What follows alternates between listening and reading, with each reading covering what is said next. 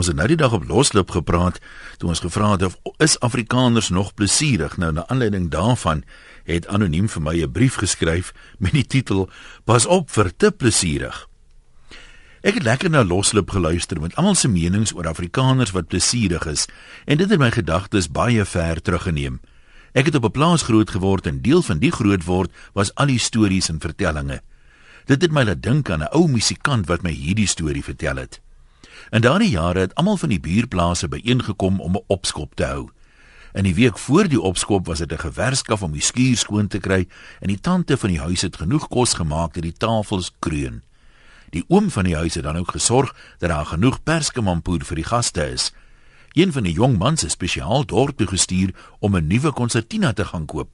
Skynbaar was die boere konsertina van karton gemaak en hy het net vir een opskop gehou. Maar hoe waar dit is, sal ek nou nie weet nie. Die aand van die opskop het die bure een-een begin aankom met die perdekarre en so teen 7 uur was die opskop goed aan die gang. Die oompies van die orkes was lekker opgewarm na 'n paar slonkies mampoer en goed aan die gang. Die oomie van die opstal waar die opskop plaasgevind het, was die konsertina speler ook. 'n Boebaas van die kontry, maar sy ou vrou was 'n moeilike antie en glo baie suinig. Die bure het bespiegel oor wat sy vir hulle sou opdien. Die antie was nêrens te sien nie, glo besig in die kombuis. Teen 8:00 die aand kom die gesette antie nog met haar voorskoot aan na haar ou man toe. Dis nou die konsertina speler en sy sê: "Ou man, jy moet bietjie halt roep. Ek wil die mense voet." Die ou man knik, maar die musiek loop te lekker en so skoffel die voete aan. Geen kans vir 'n ruskansie nie. 'n Halfuur later is die antie terug, die keer dreigender. Ou man, jy moet 'n blaaskans vat. Ek wil die mense voet. Steeds is daar aan die manne se speel geen einde nie.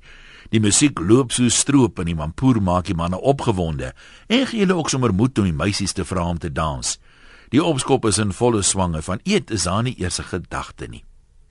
Die antie is doenig in die kombuis met die kos.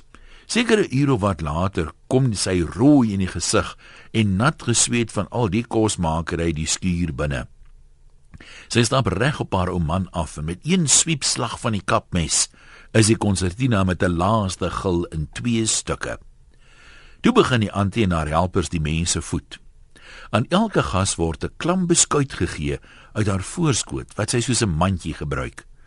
Sommige gaste het in koffie geweek, maar die wat dit met perskemampoer afgesluk het, was later aansienlik meer plesierig as die res, selfs sonder die aansporing van die boere konsertina. Groete van oor tot oor. Anoniem.